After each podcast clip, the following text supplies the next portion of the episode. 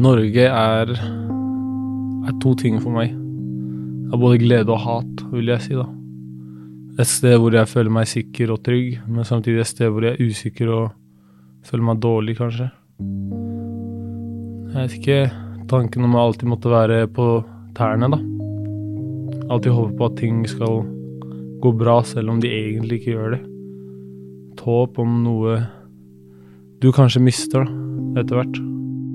Mustafa Hassan har bodd mesteparten av livet sitt i Norge. 13 av de 18 årene han har levd. Men norske utlendingsmyndigheter har nå vedtatt at Mustafa må ut av landet før nyttår. Det eneste jeg tenkte på, var skal jeg gi opp, eller skal jeg ikke gi opp? Heldigvis tok jeg det riktige valget, da. Hva er det som avgjør om noen får bli i landet eller må ut? Det her er forklart fra Aftenposten. Jeg heter Marit Eriksdatter Gjelland. I dag er det fredag 4. desember. Jeg har jo på en måte alltid hatt sånne Hva skal jeg si ting som hindrer meg da, til å gjøre vanlige ting. Jeg har aldri vært normal, vil jeg si. Og det har folk lagt merke til, som for eksempel Jeg har ikke rett på noen form for altså barnetrygd. Jeg har aldri hatt, fått det. Familien min har ikke fått det. Jeg har ikke, ikke rett på arbeidstillatelse. Jeg blir, kan ikke gå og jobbe, liksom. Jeg har ikke bankkort. Da Mustafa, mora og søsknene hadde vært noen år i Norge, så mista familien oppholdstillatelsen sin. Og uten oppholdstillatelse har det vært vanskelig å leve et normalt ungdomsliv. Jeg har basically ikke rett til å gjøre noe annet enn å gå på skole i Norge. Og det får deg skikkelig til å føle deg unormal. I hvert fall når du er i, i ung alder og skal på en cup til Spania med fotballaget, og du kan ikke reise fordi du ikke har pass. Mora til Mustafa er palestinsk, men hadde ikke sagt ifra om at hun også hadde jordansk pass da familien fikk opphold. Det er ikke lov, så familien mista derfor denne oppholdstillatelsen. Én etter én så ble de sendt ut av landet. Etter hvert så reiste også mora til Mustafa, men Mustafa selv ble igjen og ble tatt hånd om av barnevernet. Nå i dag så er det bare Mustafa og én bror igjen i Norge. Folk tror at det her skjer nå. Oi, plutselig, han skal bli sendt ut i morgen. Nei, det er ikke det. Jeg har levd med dette i så mange år, og nå etter at jeg har levd med den usikkerheten i alle de årene, så må jeg bli sendt ut. Det er som å ha levd et liv i 13 år for gitt. Du har levd 13 år som du ikke fikk noe ut av. I år etter år har Mustafa levd med uvissheten om han måtte ut av landet og tilbake til Jordan. Og den aller første gangen han fikk beskjeden om at han ikke fikk bli, så gikk han på barneskolen. Jeg kom hjem etter skolen. Barneskolen var Dåsen skole i Asker. Eh, jeg dro hjem, og broren min sto utafor huset.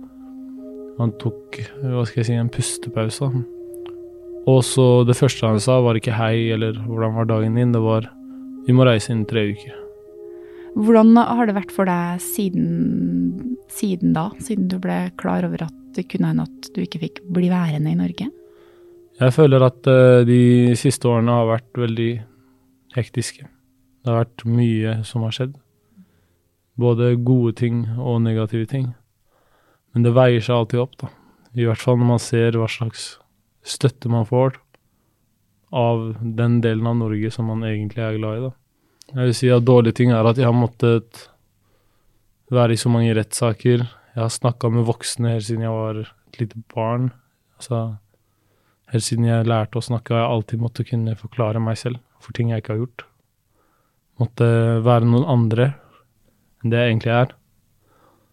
Og de gode dagene er vel når jeg får et minne, eller kanskje et håp, noe som jeg har i bakhodet hele tida. Det, det, det, det, her er derfor jeg gjør det, på en måte. Det er derfor jeg kriger hver dag. Derfor jeg står opp seks om morgenen for å gå til nyhetene. Det er fordi jeg vil, jeg vil holde fast på de godene jeg har, da. Og en av tingene Mustafa vil holde fast på, er drømmen om å slå gjennom som musiker. For frustrasjonen over sin egen situasjon har blitt til dikt. Noe som er blitt til rap. Og det var mens han planla en ny musikkvideo at han fikk telefonen han frykta. Og så ble jeg oppringt om at jeg måtte komme på et veldig viktig møte som jeg egentlig hadde avlyst fordi jeg hadde andre ting å gjøre. på det tidspunktet. Så jeg dro dit, da, siden jeg fikk streng beskjed om at dette er viktig, vi kan ikke si hvorfor, du må komme. Um, jeg kommer inn, jeg ser advokaten min, og jeg skjønte det med en gang. Jeg Satte meg ned, jeg tok Prøvde å puste, selv om det var vanskelig. Jeg husker jeg lukta en veldig rar lukt, sånn, jeg vet ikke, kanskje frykt. Det var som om jeg visste det inni kroppen, på en måte. I beina, mest i beina. Liksom jeg satt sånn her hele tida og trampa i beina og hadde ikke kontroll over meg selv. Og idet han sa det, så ble hele kroppen min avslappet. Jeg bare sank inn i sofaen jeg satt på, og nesten glemte hvor jeg var. Bare gikk i en helt annen verden og tenkte det eneste jeg tenkte på, var Skal jeg gi opp? Eller skal jeg ikke gi opp? Heldigvis tok jeg det riktige valget, da.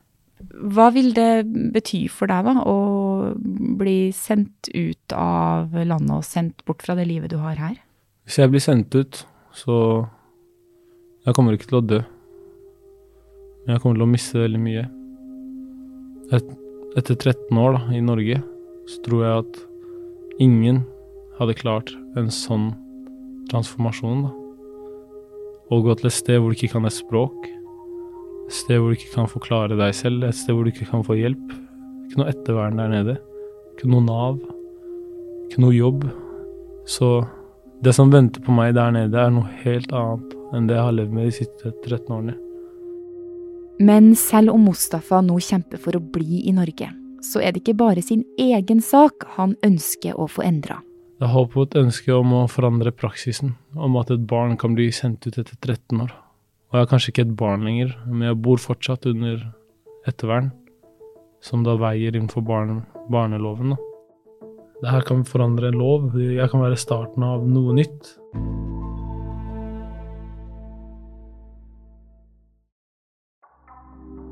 Andreas Slettholm, du er kommentator her i Aftenposten. Altså Bare fortell oss, hva, hvor spesiell er denne saken til Mustafa? Mustafa sin sak går jo inn i det som kanskje er det aller vanskeligste dilemmaet i norsk uh, asylpolitikk, og som er sånn stadig tilbakevendende både enkelthistorier og temaer, nemlig hva gjør man med barn som har vært lenge i Norge og tilbrakt mesteparten av oppveksten sin her i Norge, men som egentlig ikke har krav på opphold. Skal de sendes ut, eller skal de forbli pga. sin tilknytning til riket? De som avgjør hvem som får bli og hvem som må ut av landet, er Utlendingsdirektoratet. De vurderer søknadene ut fra bl.a. loven, behovet for beskyttelse, om du har bodd lenge i Norge og masse annet. Får du et vedtak som du er uenig i, så kan du klage videre til Utlendingsnemnda og be dem vurdere om UDI har tatt feil.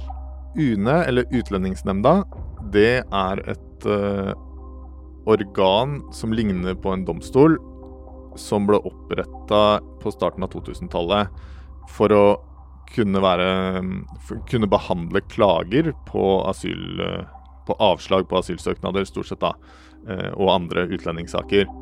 Hittil i år så har UNE hatt over 4000 saker på bordet sitt, og en av dem er altså Mustafa sin.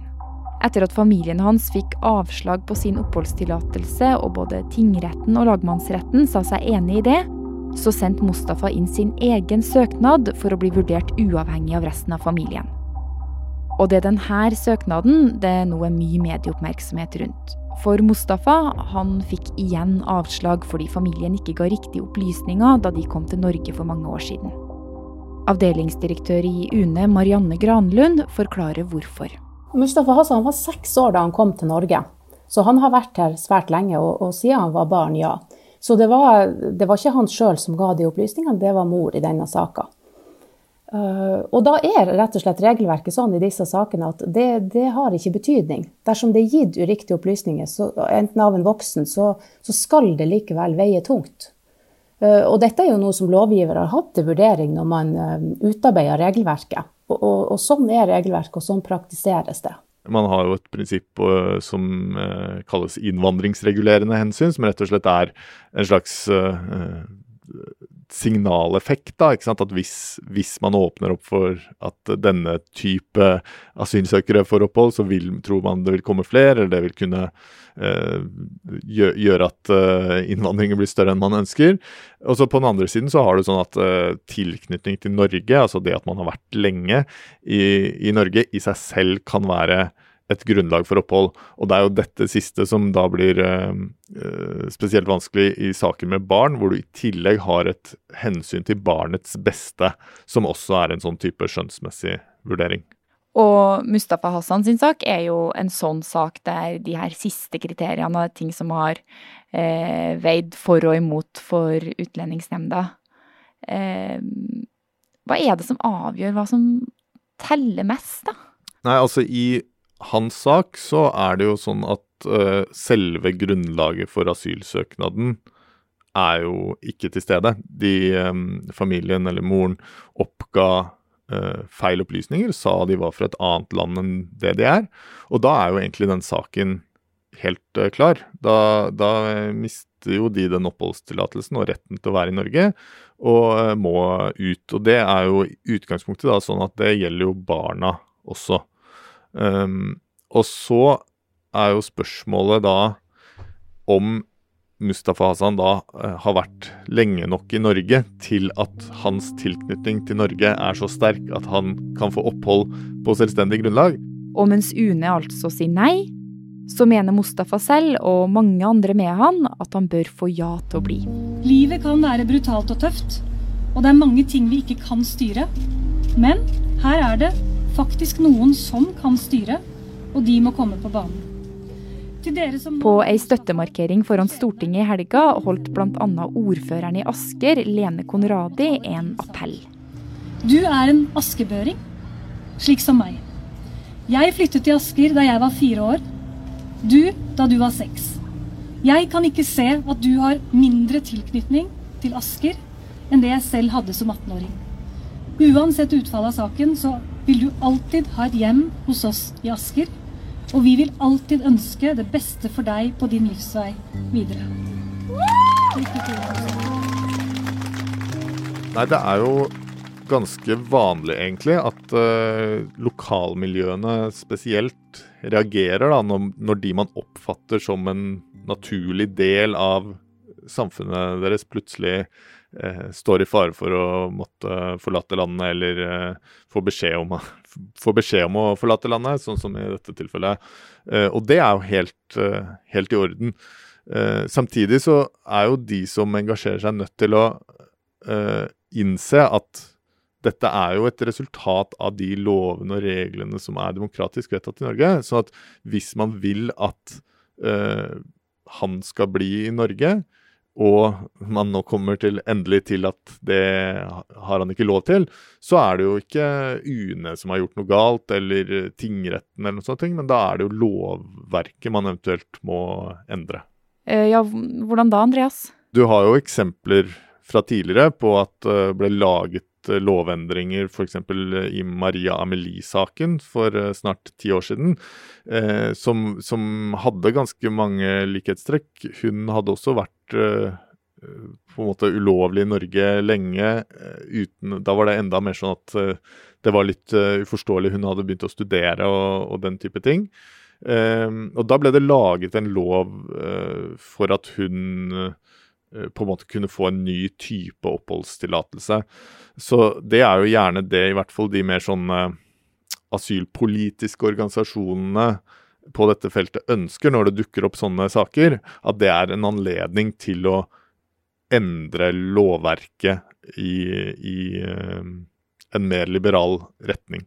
Dette er jo ikke en arbeidsulykke, på en måte. Dette er sånn regelverket er laget, og sånn regelverket skal være, uh, mener flertallet på Stortinget. og, og og da må man endre regelverket hvis, uh, hvis man vil, uh, vil ha, en, ha, en, endring også i praksis. Det er likevel også en del som mener at UNE bruker loven på feil måte.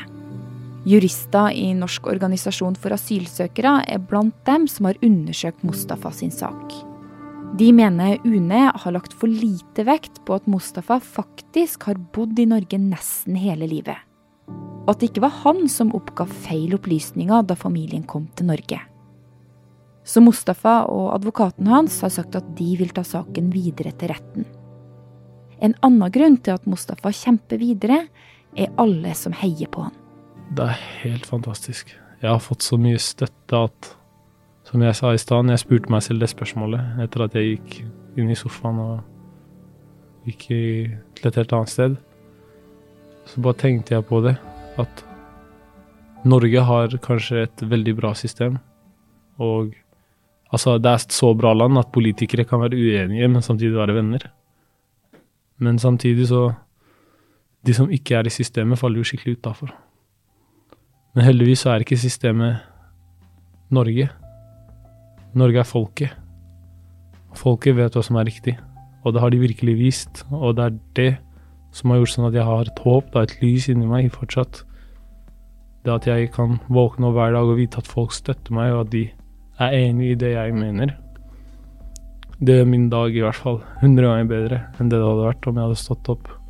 Det eneste jeg hadde tenkt på, er at jeg skal ut en dag om ikke så lenge.